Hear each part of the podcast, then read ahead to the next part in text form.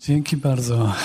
Dzięki. Witam Was serdecznie. Rzeczywiście niezwykle ważne jest to, żeby modlić się i wołać do Pana. Ja powiem szczerze, wiele razy jak staję tutaj, to w moim sercu jest takie wołanie i modlitwa. Panie, pomóż mi mówić to, co Ty chcesz i zrobić to, co Ty chcesz. Jak najlepiej potrafię to zrobić. Dlatego, że wierzę, że nie, że Kościół nie jest moją własnością, jest własnością Jezusa i nie jest waszą własnością, jest własnością Jezusa. Nie jest nikogo z nas własnością. Mamy przywilej w nim być. Mamy przywilej, by w nim uczestniczyć w Bożych rzeczach. To jest przywilej. Każdy z nas tu jest dlatego, że doświadczyłeś powołania od Pana do, tej, do zgromadzenia. Kiedy ja osobiście o tym myślę, to myślę o tym, że to jest niezwykłe, bo z jakiegoś powodu, którego ja nie znam, Bóg wybrał nas do tego, żebyśmy razem zrobili coś, co uczyni zmianę w kraju, w tym mieście, w naszym życiu i w naszych domach. Dlaczego tak Bóg uczynił? Nie wiem. Nie rozumiem wielu rzeczy i wielu Bożych dróg. Rozumiem tylko część rzeczy i tymi częścioma, tą częścią rzeczy się będę dzielił dzisiaj z wami też, żebyście, żeby wierzę w to, żebyśmy mogli wejść w dalszy ciąg tego, co Bóg dla nas ma. Ostatnio myślałem o tym i modliłem się, modląc się o Kościół, myślałem o puclach, o tych małych kawałeczkach, którym my jesteśmy i które tworzą obraz tylko wtedy, kiedy każdy wejdzie w swoje miejsce. Każdy puzzle jest dokładany do następnego, do następnego, do następnego i nagle jest widoczny obraz. To znaczy, że każdy z nas nosi w sobie jakiś obraz. Ciekawe jaki. Albo in, i, inaczej moglibyśmy powiedzieć, że każdy z nas sobie nosi obraz, ale tylko przez połączenie możemy ten obraz oddać. Sam nie oddasz tego obrazu. Sam nie jesteś w stanie pokazać tego, co jest obrazem nas. Ale kiedy przyjmujemy siebie nawzajem i usługujemy sobie nawzajem i jesteśmy razem ze sobą nawzajem, to to tworzy obraz. Jaki obraz? Obraz Jezusa Chrystusa, który przyszedł na ziemię, by odkupić ludzkość. Więc jeśli jesteś w takim miejscu, w którym myślisz tylko o tym, żeby siedzieć, to nie jest to właściwa rzecz. Dlatego, że jesteś po to, żeby coś zrobić, coś dać, coś włożyć. Ja dzisiaj będę o tym mówił. Ale chcę Was mocno zachęcić do tego, żebyś patrzył na siebie jako na jedną część, która jest niezwykle ważna. Ważna jest dlatego, że wtedy nie mamy pełnego obrazu, jeśli Ciebie nie ma. Ważna jest dlatego, że Ty sam nie oddasz całego obrazu. Zrozumiecie, tak? Ważna jest z dwóch powodów. Dlatego wierzę, że potrzebujemy wzrosnąć, potrzebujemy się rozwinąć. Dzisiejszym moim tematem jest powołanie do dojrzałości. Chcę dzisiaj mówić na temat dojrzałości. I nim zacznę mówić, przeczytam różne rzeczy. Przeczytam list do Rzymian 8:19, który był tu niedawno czytany, ten tekst Bożego Słowa. Bo stworzenie z tęsknotą oczekuje objawienia się synów Bożych. Właściwie tam jest napisane, że stworzenie bowiem z gorliwym wypatrywaniem oczekuje. Stworzenie wypatruje z gorliwością na to, że się pojawią synowie Boży. Całe stworzenie, to znaczy, że także ziemia, także rośliny, także zwierzęta, całe stworzenie, także każda ludzka istota, całe stworzenie e, z tęsknotą wygląda, wyczekuje, że pojawią się synowie Boże. Ale jakich synach, synach Bożych jest tutaj napisane? O dojrzałych. Synowie Boży, którzy stają się dojrzali. Jezus Chrystus rozpoczął swoją działalność, kiedy stał się dojrzałym mężczyzną i zostało mu przekazane dziedzictwo.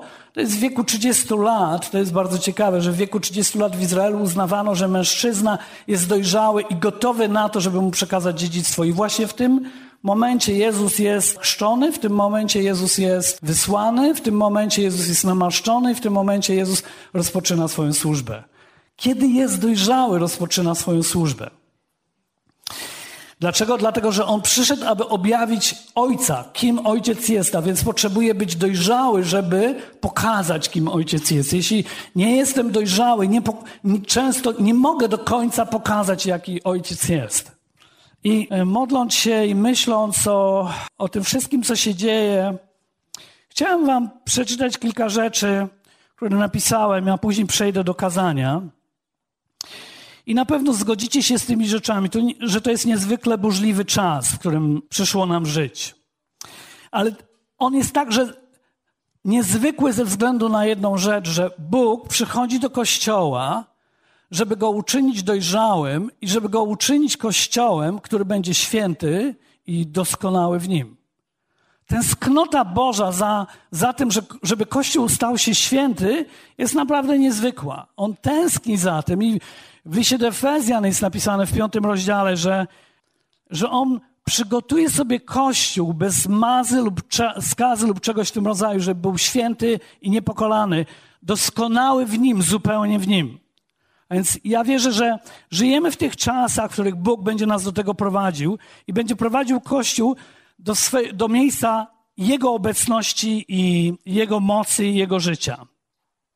Przebudzenie w naszym kraju i na, w naszej ziemi będzie się rozszerzać i na całym świecie. Nigdy nie byliśmy tak blisko przełomów i przebudzenia, jak jesteśmy teraz. Nigdy. Nieraz przez długi czas oczekiwania, kiedy długo oczekujemy, to sprawia sercu ból. Tak jest napisane w przypowieściach Salomona. I być może ty przeżywasz ten ból oczekiwania na wypełnienie obietnicy, bo Bóg ci wiele rzeczy obiecał, ale nie oglądasz tego jeszcze. Ale chcę powiedzieć ci, że w niedługim czasie będziemy widzieli duże zmiany, które nastąpią, jeśli chodzi o Kościół.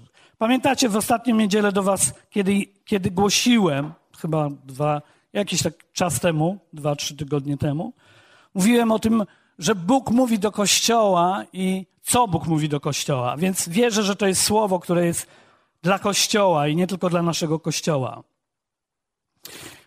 Przebudzenie będzie wzrastać i będziemy oglądali Bożą moc, jak ona zaczyna działać i jak zaczyna być aktywna w życiu chrześcijan. Zobaczymy dojrzałych chrześcijan, którzy będą w niezwykle, w niezwykle, namaszczony sposób głosić Ewangelię na ulicach miasta i głosić Ewangelię w różnych miejscach z powodu dojrzałości, która będzie w, w kościele, do której Bóg będzie prowadził. Ostatnio zadawałem przez nie wiem ile czasu, chyba kilka lat zadawałem Bogu pytanie, co się dzieje, że nie możemy zobaczyć przebudzenia? Co się dzieje, że nie możemy zobaczyć Bożych rzeczy, które Bóg ma? Dlaczego się tak dzieje, że nie widzimy wielu rzeczy, o których Słowo Boże mówi do nas? I wiecie, zobaczyłem, że Bóg mówi o tym, że Kościół niedojrzały, kiedy nie jesteśmy dojrzali, nie możemy wziąć tego, co jest dziedzictwem.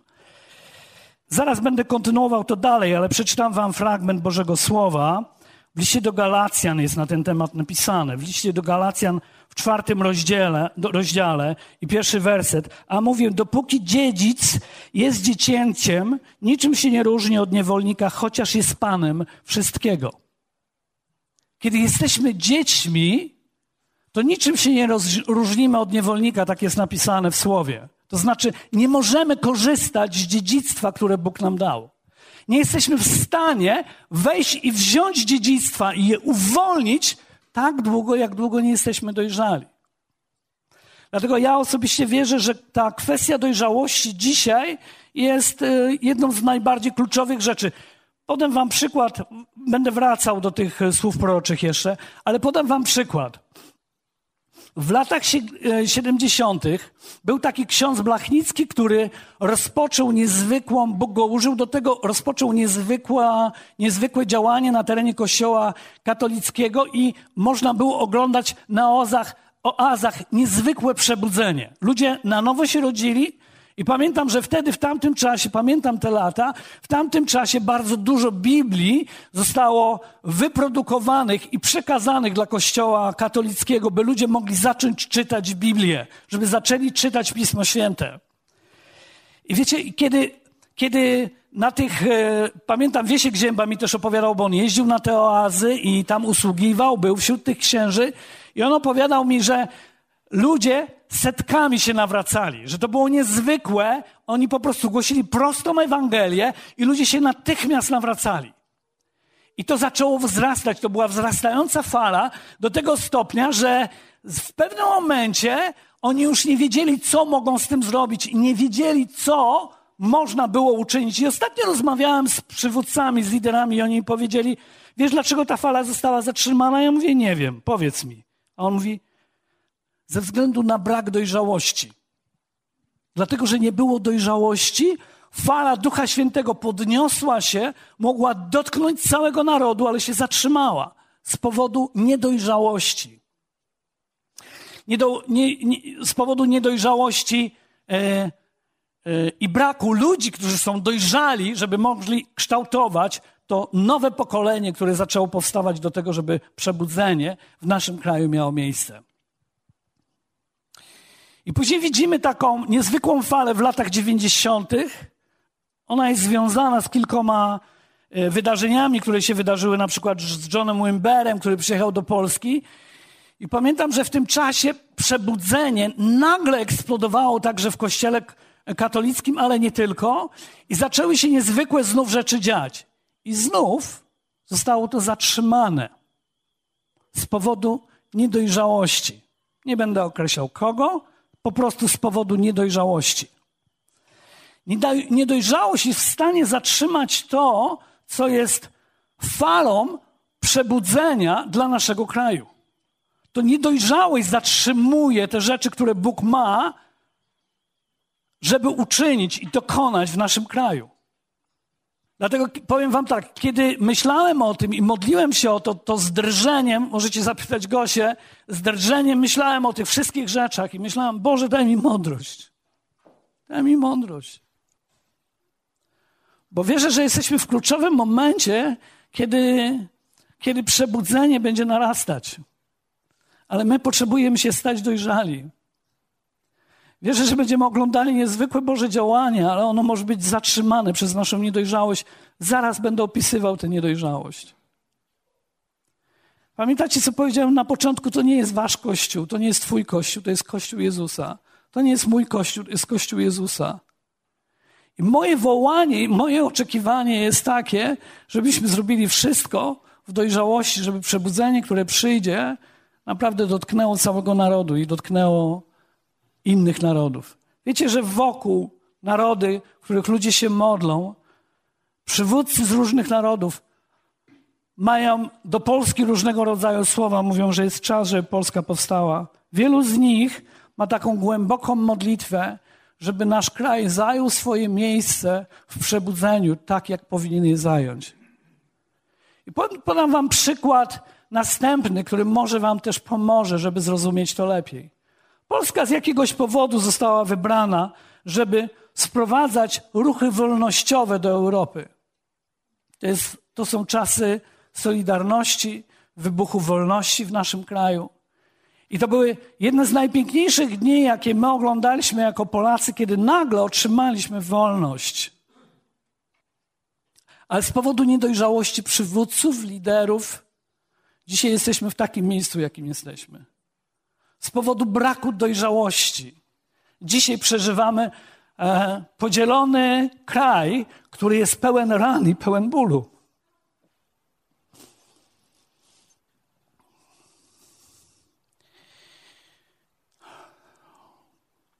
Ciekawe, że na Facebooku kilka tygodni temu wrzuciłem taką zajawkę na temat dojrzałości i oglądających było około 14 tysięcy, a zawsze jest około 5 tysięcy. To zwróciło moją uwagę, że ludzie nasłuchują, jeśli chodzi o dojrzałość. Że ludzie nasłuchują, jeśli chodzi o dojrzałość. Dojrzałość rodziców, dojrzałość liderów, dojrzałość przywódców, pastorów, księży, biskupów, dojrzałość zwołania dojrzałość polityków, jest wołanie o to, bo gdybyśmy byli dojrzali, to trzymawszy dar wolności, byśmy go zagospodarowali w niezwykły sposób. ale to racje przeważyły. Moja racja, tego drugiego racja. Nie dojrzałość, ale dziecinne rozgrywki między ludźmi, dziecinne podchody jeden pod drugiego. Jakże często to się także udzieliło Kościołowi, który został podzielony na różne części, bo jest tak niedojrzały. Chcę Wam powiedzieć, że wierzę w to, że wzrośnie poziom wiary w Kościele do takiego poziomu wiary, gdzie rzeczy się będą działy, których nie ma, nie istnieją, będą powstawały. Wierzę, że Kościół stanie się święty, bo będzie dojrzały do tego, by być święty. Wierzę, że świętość będzie tak pociągająca dla ludzi, bo Słowo Boże mówi, że świętość jest ozdobą domu Pana. Że ludzie będą zwracać uwagę na Kościół, będą patrzeć na Kościół. Z powodu dojrzałości, świętości, ludzie będą patrzeć na Kościół z podziwem i z chęcią bycia w tym Kościele. Wierzę w to z całego serca, że to przychodzi. I wierzę też, że w tym czasie powstanie niezwykłe poruszenie bojaźni Bożej. Że Kościół stanie się Kościołem, który ma bojaźń Bożą, który ze względu na Pana będzie wolał cierpieć, niż udowodnić coś swojego. Będzie wolał położyć swoje życie, niż udowadniać swoją rację. Ja wierzę w to, że przychodzi taki dzień, przychodzą takie dni, kiedy Kościół naprawdę będzie miał wpływ i stanie się Kościołem, który jest jak Jezus. Stanie się Kościołem Jezusa Chrystusa, który, który, który zamiast udowadniać swoją rację, będzie robił jedną rzecz. Będzie umierał. Wiecie, Jezus, będąc na krzyżu, miał prawo do tego, żeby powiedzieć, a to jest niesprawiedliwe. Miał do tego prawo. Ale umarł, by nas usprawiedliwić. Wiecie, co to oznacza? Dojrzały Kościół będzie umierał po to, żeby usprawiedliwiać ludzi. Będzie gotowy na to, żeby umrzeć swoim ja. Nie będzie domagał się sprawiedliwości, ale będzie domagał się usprawiedliwienia.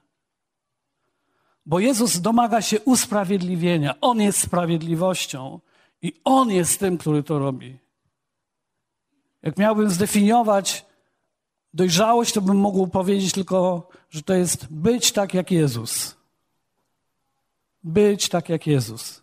To jest dojrzałość. Wierzę w to, że Jego przykazania przestaną być uciążliwe, a staną się radością dla Kościoła. I nie będziemy ich wykonywali dlatego, że ze wzdychaniem, ale będziemy się cieszyli, bo będziemy rozumieli, będąc dojrzali, że chodząc z daleka od grzechu, mamy życie i uwalniamy to życie dla innych ludzi. Wierzę w to z całego serca. Wiecie, a bojaźń Boża będzie, to już wspomniałem, ale powiem jeszcze raz, a bojaźń Boża będzie widoczna, dlatego że bojaźń Boża jest strażem intymności. Tylko bojaźń Boża może ustrzec naszą intymność z Bogiem. Ja pamiętam, jak y, Bill Johnson powiedział, że on się boi Boga i boi się żony. I ja przez długi czas nie mogłem załapać tego. Ja się nie boję Gosi. W związku z tym przez długi czas nie wiedziałem, o co jemu chodziło. A więc zadawałem sobie to pytanie, co to oznacza, w końcu załapałem. Wiecie, ja potrzebuję więcej czasu, żeby załapać. Nie jestem bardzo błyskotliwy. Po prostu potrzebuję czasu. A więc zastanawiałem się i myślałem sobie, co to może oznaczać i nagle pff, flash, jest, wiem, wiem, że to objawienie Ducha Świętego. Wiecie, co to znaczy? Boję się zrobić coś, co rozwali naszą intymność, którą mamy. Mamy intymność z Gosiem, z Gosią, która jest dla mnie cenna i, i tak wartościowa, że zrobię wszystko, żeby ją zachować. To jest bojaźń. Nie będę oglądał pornografii, dlatego że moja intymność z nią jest ważniejsza niż pornografia. Nie będę patrzył za innymi kobietami, dlatego że intymność z nią jest dla mnie cenniejsza niż inne kobiety. Nie będę patrzył w różną stronę, ale będę patrzył na nią, dlatego że jest wyjątkową kobietą dla mnie i darem, który Bóg mi dał. I to jest bojaźń Boża. Bojaźń Boża, żebym nie stracił intymności z Jezusem, to nie będę grzeszył, nie będę robił różnych rzeczy, dlatego że chcę mieć z Nim bliskość i intymność. Nie będę mówił o innych źle, nie będę, nie, nie będę krzyczał, nie będę różnych złych rzeczy robił ze względu na moją intymność z Jezusem, bo kocham Go i On jest dla mnie ważny. Nie będę się chował za moją racją, nie będę się chował za różnymi rzeczami. Dlaczego?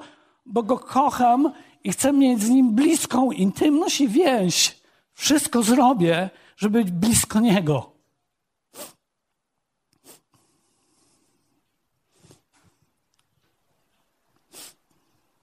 Wzrost dojrzałości doprowadzi nas do takiego miejsca, w którym staniemy się prawdziwie partnerami Boga. Wierzę w to, że to będzie oznaczało o wiele więcej niż sobie jesteśmy w stanie dzisiaj wyobrazić i pomyśleć. Dlatego, że w intymności jest prawdziwe partnerstwo.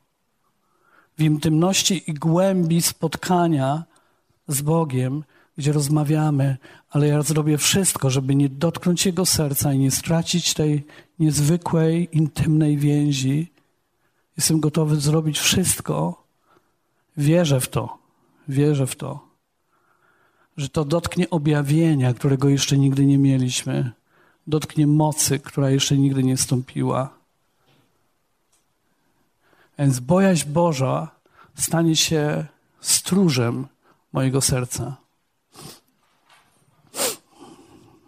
I ja oczywiście wierzę w to z całego serca, że, że zawsze w to wierzyłem, że kiedy Bóg zaczyna takie rzeczy czynić, kiedy On będzie to czynił, to da też łaskę nam. Jeśli mówi dzisiaj o tym, to dlatego, że chce uwolnić łaskę, abyśmy stali się dojrzali. Dobrze, powiemy chwilę na temat. Yy, przeczytamy kilka tekstów może. Pierwszy list do Koryntian, 13 rozdział, 11 werset. Gdy byłem dziecięciem, mówiłem jak dziecię.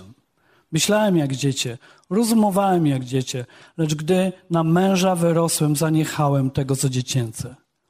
To Bóg będzie czynił.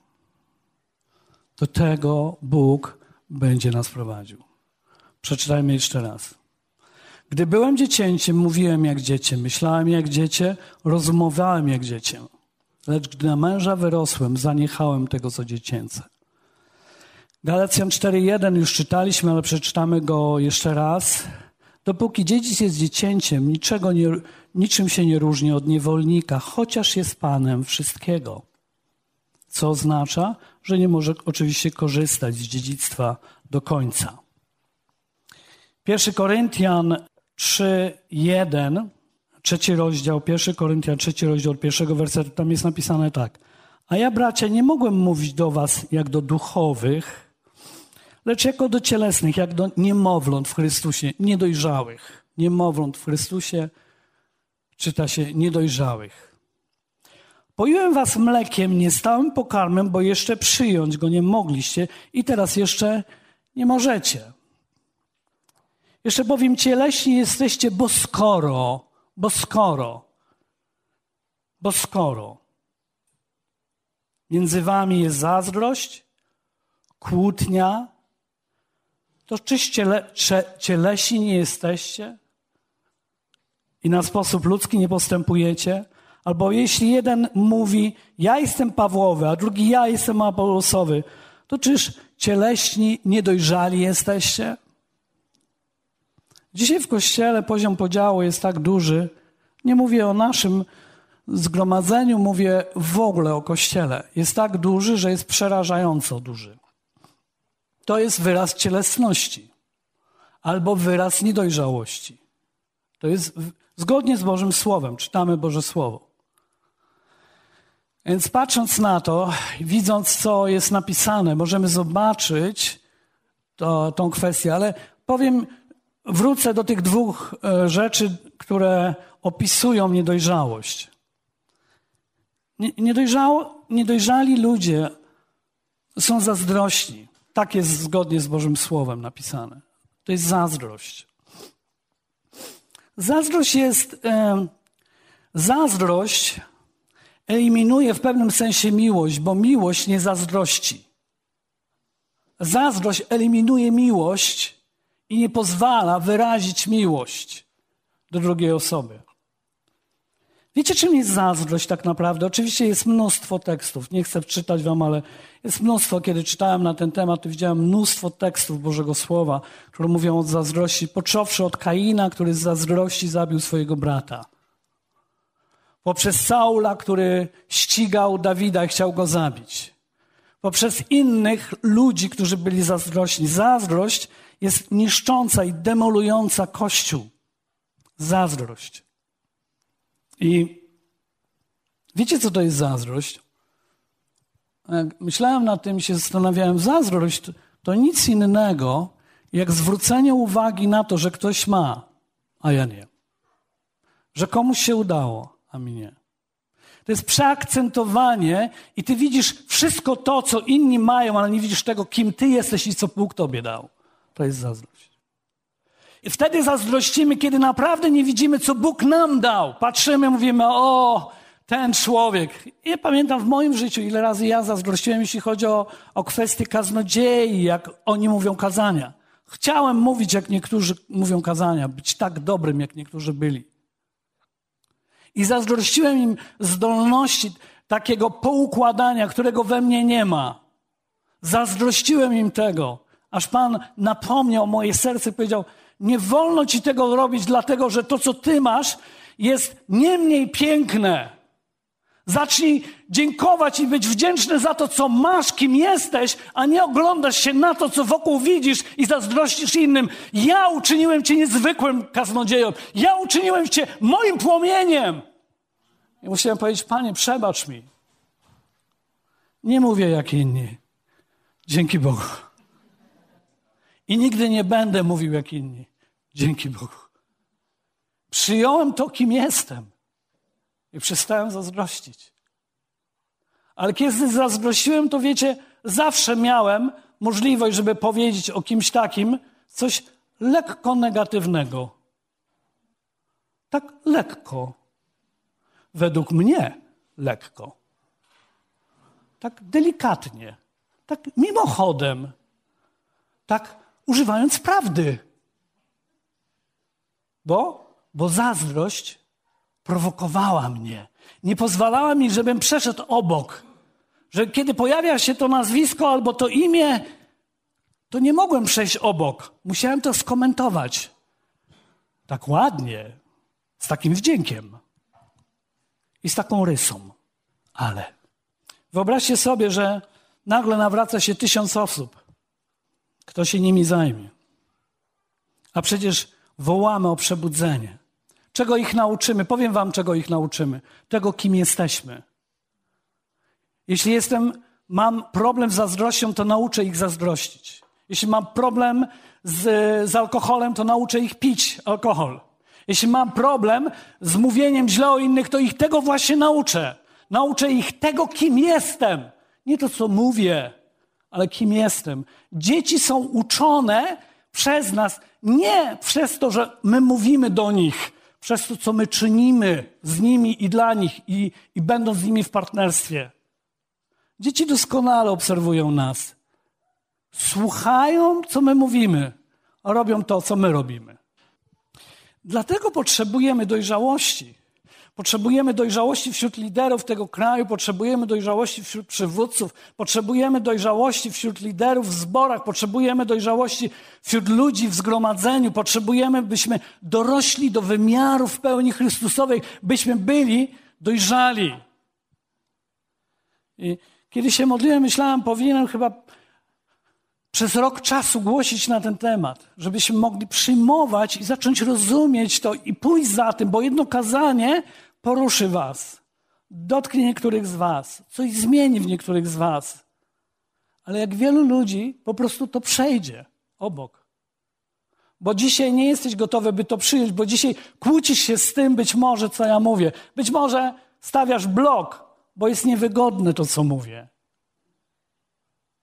Ale wierzę w Bożą łaskę, wierzę Bogu i, i temu, że Bóg będzie, będzie czynił e, niezwykłe rzeczy.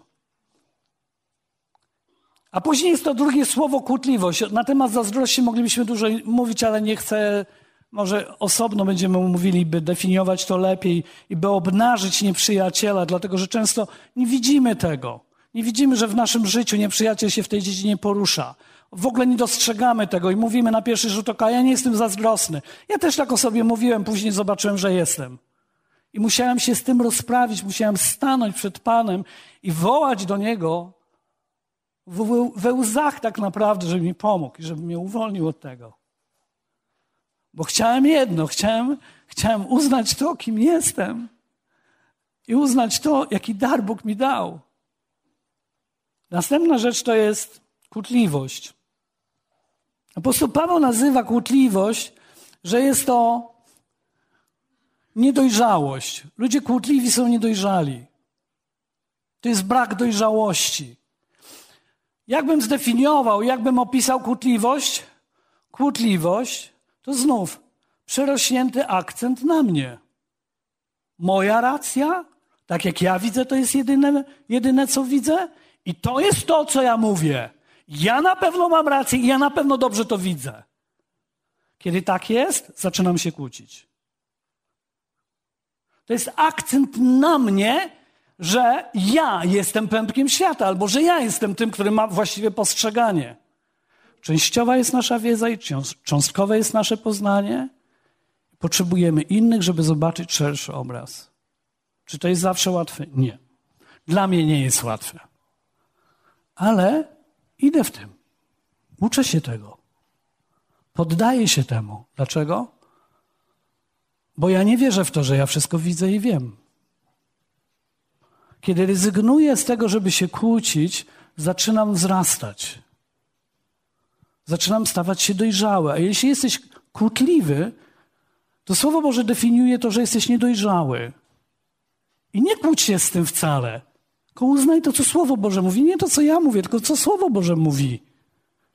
I przyjdź do Pana i poproś Go o pomoc. I ja mówię o mojej historii. Kłótliwość. Musi to być po mojemu i musi być tak, jak ja uważam. Musi być. Uh, ja jestem w centrum. I to jest ten akcent przeniesiony na mnie, że ja jestem absolutnie w centrum świata. I w ten sposób powstają podziały. I później nam to, co apostoł Paweł mówi, jeden mówi, ja jestem Pawłowy, a drugi jestem, a ja jestem Apollosowy. To znaczy, ja jestem tego lidera, a drugi mówi, a ja jestem tego lidera. Słuchajcie, to jest totalnie dziecięce. Tak się dzieci zachowują, które są niedojrzałe. Ja osobiście wierzę, że potrzebujemy stanąć w prawdziwej takiej równowadze przed Bogiem i uznać swoje dary i uznać dary innych. To jest równowaga. Uznać, że nie jestem sam i uznać to, że inni to, co mają, jest cenne i uznać, że to, co ja mam, jest cenne. Uznać to. Patrzę, bo się zastanawiam, ile mam czasu, bo chciałbym, mam więcej rzeczy i chciałbym przynajmniej pokazać Wam jakąś drogę, do dojrzałości zgodnie z Bożym Słowem.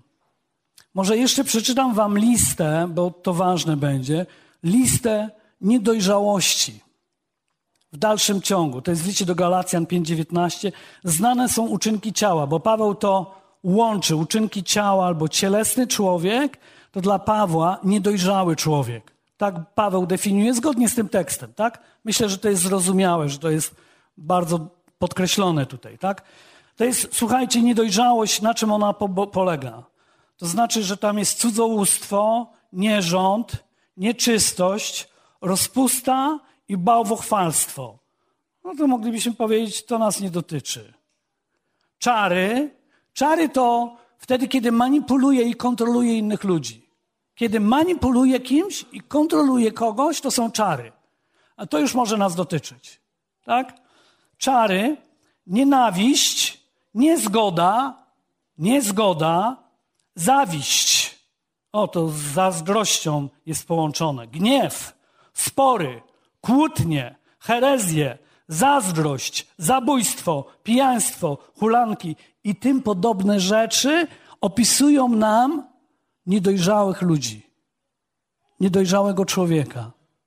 Czytając to, możemy zobaczyć nasze życie i potrzebujemy przyglądać się naszemu życiu. Nie życiu drugiego człowieka, ale swojemu życiu. Nie w wytykaniu palcem kogoś, ale patrzeniu na siebie. Czy jestem człowiekiem, który cudzołoży, albo wchodzi w nierząd, albo nieczystość, albo rozpustę, bałwochwalstwo? Czy jestem człowiekiem, który kontroluje czary i manipuluje ludźmi, aby wyszło na niego? Czy jestem człowiekiem, który nienawidzi albo prowadzi do niezgody? Czy jestem człowiekiem, który jest pełen zawiści? Czy jestem ja, Jurek Rycharski, człowiekiem gniewu i sporu, kłótni, herezji, zazdrości, zabójstwa, pijaństwa? Czy jestem kimś takim? To znaczy, jeśli te rzeczy się we mnie pojawiają, to jest owoc. Czego? Niedojrzałości. A jaki jest owoc dojrzałości? zaraz będziemy o tym mówili i zaraz o tym powiemy. Ciekawe, co Jezus powiedział w Ewangelii Jana w 16 rozdziale, w 12 wersecie. Mam jeszcze wiele do powiedzenia, Jezus mówi do uczniów, ale teraz znieść nie możecie. Jezus mówi, mógłbym wam wiele powiedzieć, ale z powodu niedojrzałości, dopowiadam, niedojrzałości, nie jesteście w stanie pojąć tego i zrozumieć. Znaczy, niedojrzałość wiąże się z tym, że nie rozumiemy także rzeczy. Nie będziemy ich rozumieli. Taki mały dzieciak, jak mu tłumaczy, żeby nie zazdrościł siostrze, to to nie za bardzo do niego dociera. Dlaczego? Bo jest niedojrzały. Musisz go uczyć, ale on tego nie rozumie.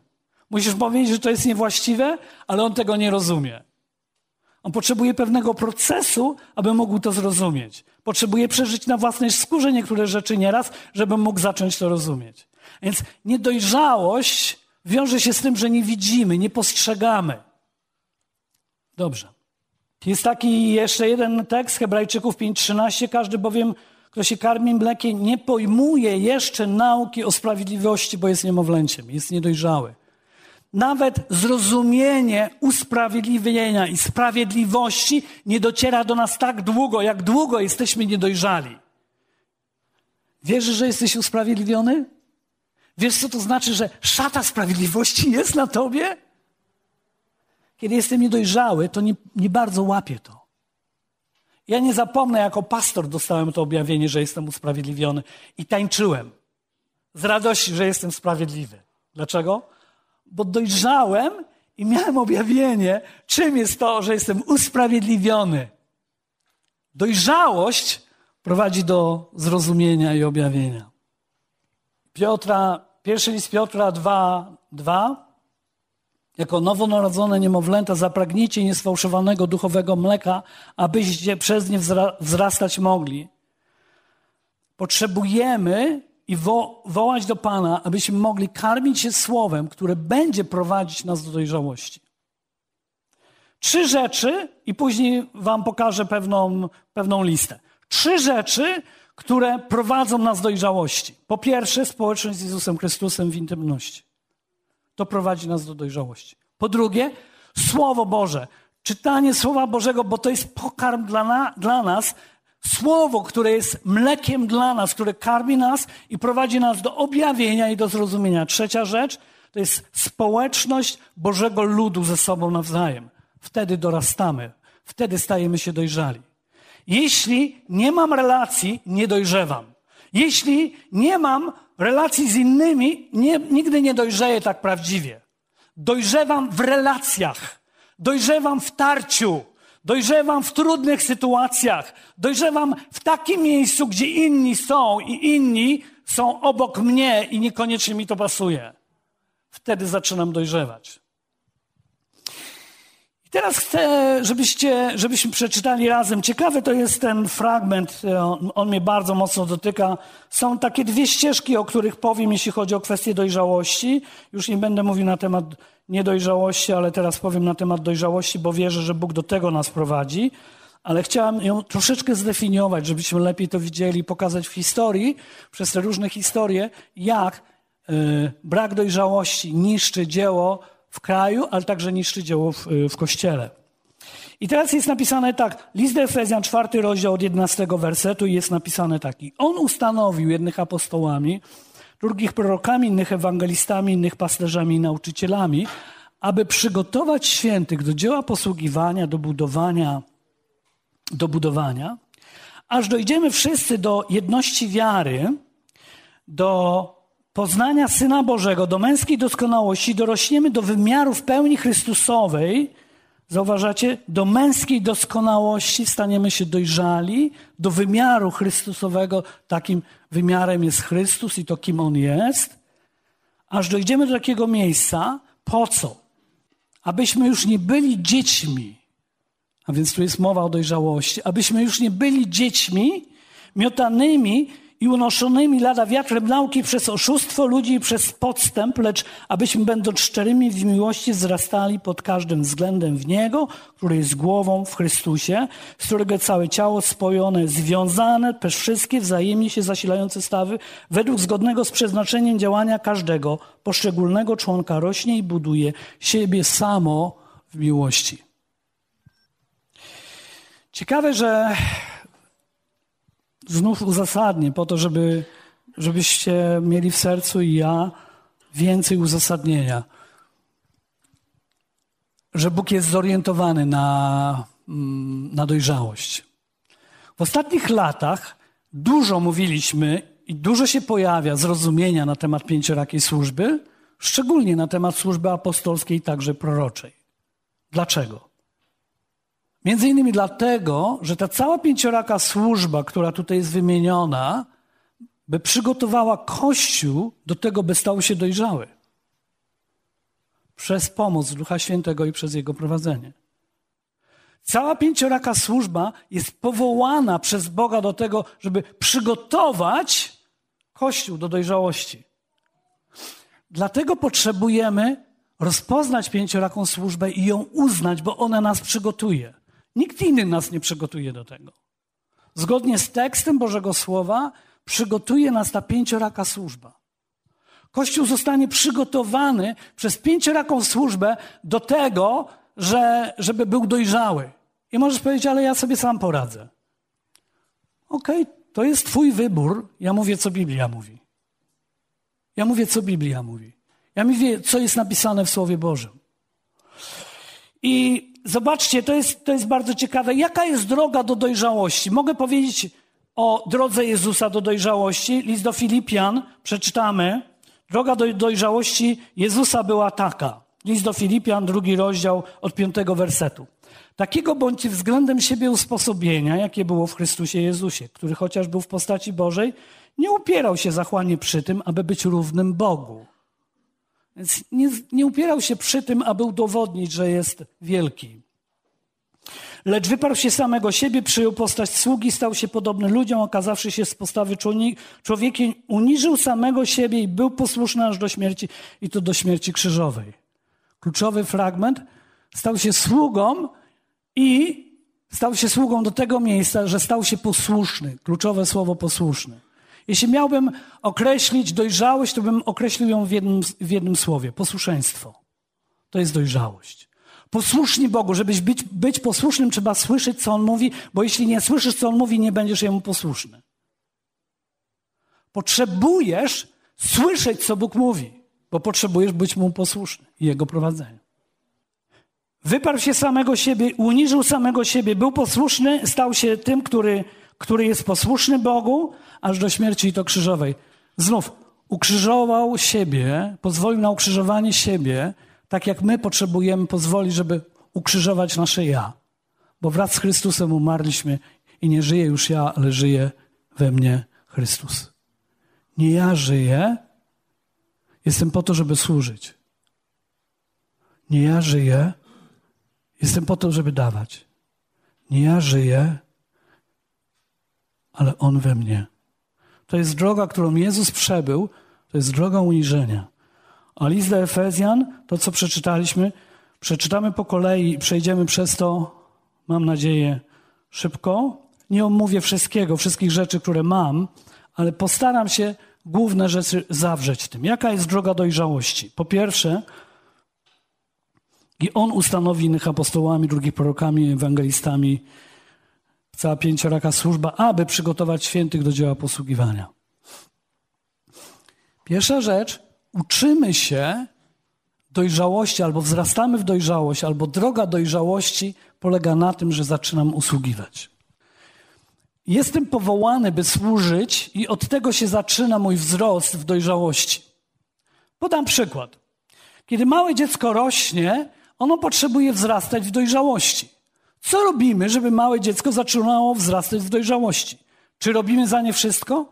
Nie. Jest taki moment, kiedy bierzemy takiego małego kajtka, który gdzieś tam się plącze wokół nóg i mówimy, przynieś mamusi to, albo podaj tatusiowi to. I oczywiście możesz powiedzieć, o, to się wykorzystuje dzieci. Nie, nie. To się uczy dziecko, jak służyć. Dlaczego? Bo ono jest powołane do tego, żeby służyć całe życie. Zawsze. Do tego wzrasta, by stać się dojrzałym, by służyć. Dojrzałość będzie służyła. Ten, który jest dojrzały, będzie sługą, będzie służył. Na tym polega dojrzałość.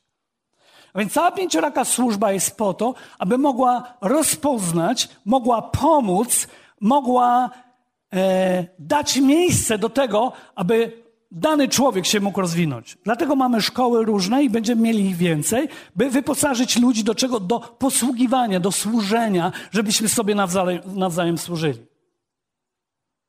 To jest niezwykle ważne, jeśli chodzi o tą kwestię służenia, bo służenie sprawia, że ty się rozwijasz.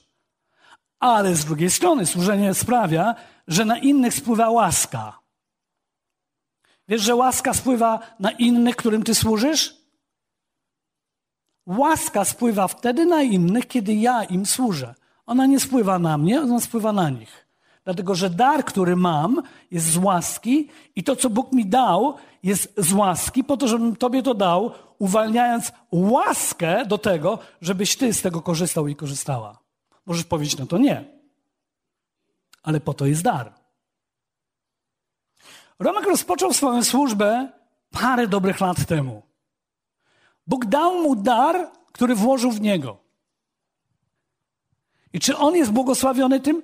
Tak, ale o wiele bardziej są błogosławieni łaską ludzie, którzy, którym on pomaga i służy. To oni otrzymują łaskę. To oni otrzymują zdolność. To oni są podnoszeni, zachęcani, inspirowani. To jest, to jest taki przykład, który jest widoczny i możesz go zobaczyć. Ale na przykład szkoła prowadzona przez dziewczyny, szkoła prorocza, która szkoli ludzi w słowie proroczym. Jesteś, jesteś kimś, kto właśnie przeżywa trudny czas i, i, są pokoje modlitwy, idziesz do pokoju modlitwy i nagle w tym pokoju modlitwy słyszysz, jak któraś z nich albo ludzie, których one szkolą, dziewczyny, wypowiada słowa, które okazują się być tak celne w twoim sercu, że nagle twoje serce podskakuje i mówi, jest, to jest to, o co mi chodziło, teraz jestem podniesiona, zachęcona i teraz mam siłę. Co się wydarzyło? Dar, który ona, one mają, albo oni mają, został uwolniony dla ciebie, bo ten dar jest dla ciebie. I nagle, kiedy przyjęłaś, przyjąłeś ten dar, to słowo, nagle coś się w tobie ożywiło i otrzymałeś co? Łaskę, łaskę do czego? Do powstania. Łaskę do tego, żeby coś zrobić. Łaskę do zmiany. Więc kiedy usługujesz darem, to uwalniasz łaskę nad danym człowiekiem. Kiedy dzisiaj ja wam usługuję, to uwalniam łaskę nad wami. Łaskę zrozumienia, pobudzenia, objawienia i Bożego prowadzenia, a także zmiany i wzrostu. To dzisiaj uwalniam nad wami, nad każdym z was. Słowo Boże mówi, jeśli uznasz proroka jako proroka, otrzymasz zapłatę proroka. Jeśli nie uznajesz tego daru, który dzisiaj dla ciebie mam, nic ci z tego nie będzie.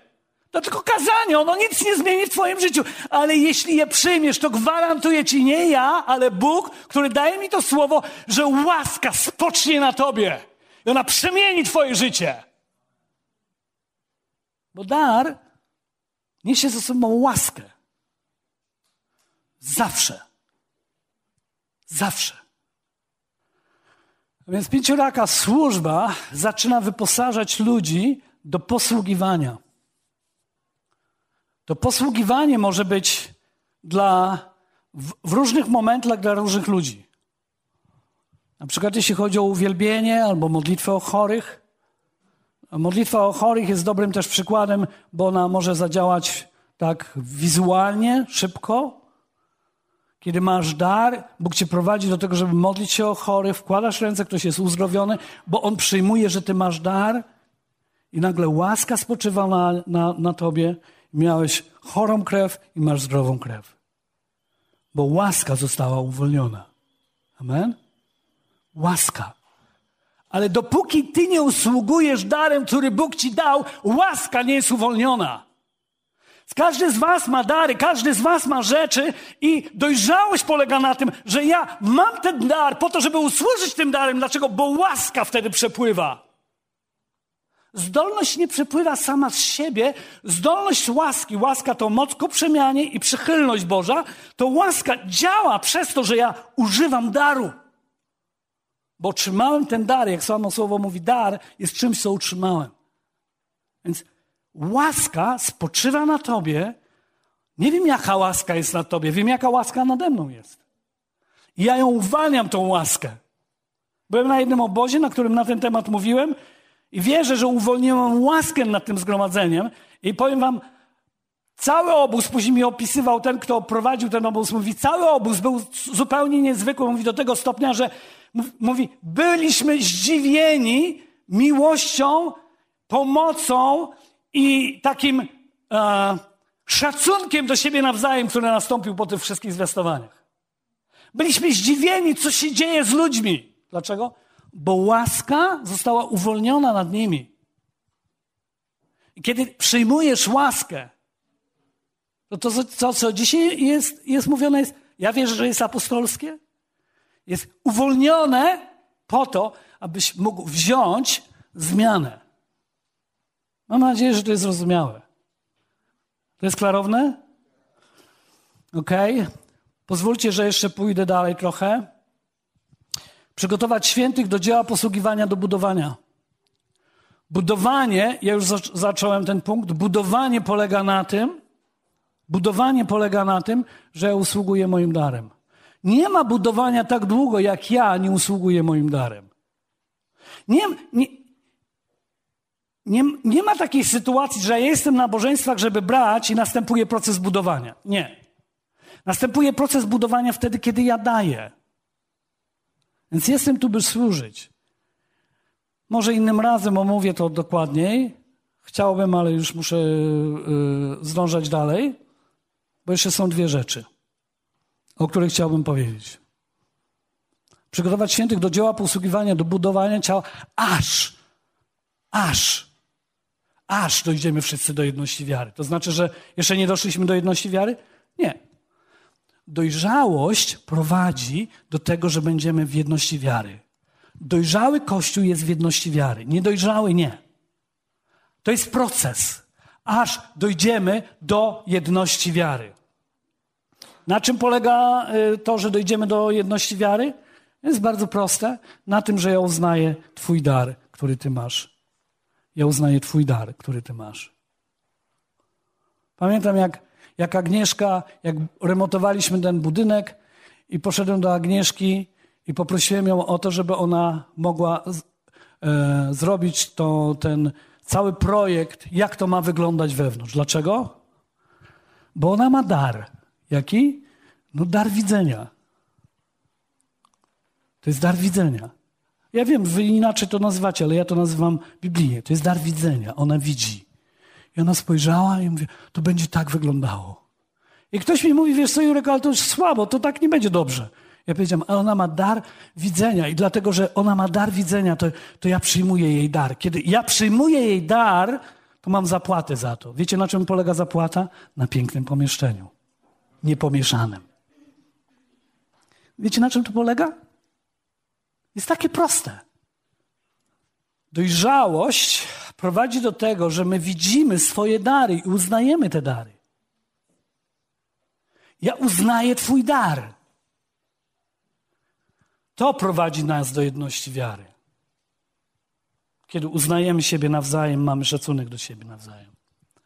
Aż dojdziemy wszyscy do jedności wiary, do poznania Syna Bożego. Przepraszam, że nie skończę tych rzeczy. Poznanie Syna Bożego nie jest tylko w Twojej komorze. Poznanie Syna Bożego doświadczasz przez obdarowanie innych ludzi, kiedy inni ci usługują. Pewnego razu pamiętam, że miałem sporo zamieszania, modliłem się, nie wiedziałem, co mam zrobić i byłem już zmęczony rzeczami. I znalazłem się na jednym spotkaniu, na którym ludzie zaczęli nade mną prorokować. I zaczęli wyciągać rzeczy, które są w moim sercu. Nikt o tym nie wiedział, tylko Pan. I oni zaczęli to wyciągać. I zaczęli o tym do mnie mówić. Doświadczyłem niezwykłego uwolnienia i doświadczyłem wielkiego błogosławieństwa. Ale jak to się ma z poznaniem mojego Pana? Aż dojdziemy wszyscy do jedności wiary i poznania Syna Bożego? Mogłem zobaczyć Pana przez ich usługiwanie, który po pierwsze zna moje myśli. Mówiłem, o Panie, Ty znasz moje myśli. Super to było. A później, o Panie, poznaję Cię, że jesteś tym, który nie tylko zna moje myśli, ale troszczy się o mnie. Uh, to nie wiedziałem, że aż tak mocno się troszczysz o mnie i wiesz o każdej mojej myśli. Dziękuję Ci. Widzicie, jaki jest wzrost w poznaniu przez udzielanie? Wzrasta moje poznanie, objawienie, zrozumienie tego, kim jest Bóg. O, i później mówię, o, i w odpowiednim czasie to uczyniłeś, bo już myślałem, że sobie już nie poradzę, ale przyszedłeś i wysłałeś ludzi, którzy właśnie mi powiedzieli o tych rzeczach. Ojcze, dziękuję Ci, mogę poznać Ciebie jako tego, który nie zapomina o mnie, który nie porzuca mnie, ale który mnie prowadzi dalej, który ma łaskę nade mną i siłę nade mną. Jestem Ci tak wdzięczny za to. I w ten sposób poznaję mojego Pana, bo ktoś usłużył. W ten sposób mam poznanie Syna Bożego. Nie w domu sam, też, też, oczywiście też. Ale to poznanie wynikające z ciała Jezusa Chrystusa jest innym poznaniem. Jest poznaniem, które leczy serce i zdąża na czas, by mi pomóc. Wtedy, kiedy ja nie radzę sobie w ogóle. Amen. Ja osobiście wierzę, że jest Pan. Wierzę, że dzisiaj Bóg mówił do Was i do mnie. Wierzę w to, że Bóg coś chce czynić w Twoim i w moim życiu. Wierzę, że to słowo nie jest słowem tuzinkowym, ale słowem, które jest słowem kierunkowym. Bóg daje nam kierunek. I wierzę, że Bóg chce wprowadzić Kościół w dojrzałość. Absolutnie. Powstańmy w takim razie. Duchu Święty, potrzebujemy Ciebie, potrzebujemy Twojego działania, potrzebujemy Twojej mocy. Panie, kiedy wysłuchaliśmy słowo, chcemy Ci powiedzieć, że ja chcę Ci powiedzieć. Jeśli Ty chcesz powiedzieć, to musisz powiedzieć to Bogu. Ja chcę Ci powiedzieć, że sprawdź mnie, wyszpieguj mnie, czy nie idę drogą zagłady. Sprawdź moje serce i sprawdź mnie, abym mógł stać się człowiekiem, który chodzi w dojrzałości, abym chodził w dojrzałości. Sprawdź moje serce. Pani, i nie daj mi udawać, że wszystko jest ok, ale sprawdź mnie. Wyszpieguj moje serce. A później, Panie, modlę się o łaskę dla mnie i dla każdego, kto się przyłącza do tej modlitwy, Panie, abyś uwolnił łaskę pomocy, abyśmy mogli w to wejść. Stać się ludźmi, którzy chodzą w dojrzałości. Panie, o to się modlę w imieniu Jezusa. Dla każdego z nas i dla mnie. I dziękuję Ci za to, co zapowiadasz, że mówisz o wzrastającej fali że mówisz o świętości, o bojaźni. I dziękuję Ci, że prowadzisz nas w tych dniach do dojrzałości, aby Kościół stał się dojrzały. pełen mądrości, mocy i chwały, która jest Jezusa Chrystusa. Dziękuję Ci oddaję Ci hołd, oddaję Ci chwałę. Halleluja. Bądź uwielbiony, Panie. Dobrze, będę Was błogosławił. Niech Was błogosławi Pan, niechaj Was strzeże. Niech rozjaśni Pan oblicze swoje nad Wami, niech Wam miłościw będzie. I niech obróci Pan twarz swoją ku Wam i Wam da pokój. Shalom. Bądźcie błogosławieni w swoich domach, w dziełach swoich rąk, w dziełach swoich umysłów. Bądźcie błogosławieni we wszystkim, do czego Bóg Was też prowadzi. Niech to się rozwija i będzie błogosławieństwem. Błogosławię Was widzeniem i słyszeniem ponadnaturalnych rzeczy. Błogosławię Was teraz w imieniu Jezusa i niech łaska na Was spoczywa. W imieniu Jezusa Chrystusa. Amen. Błogosławię Was.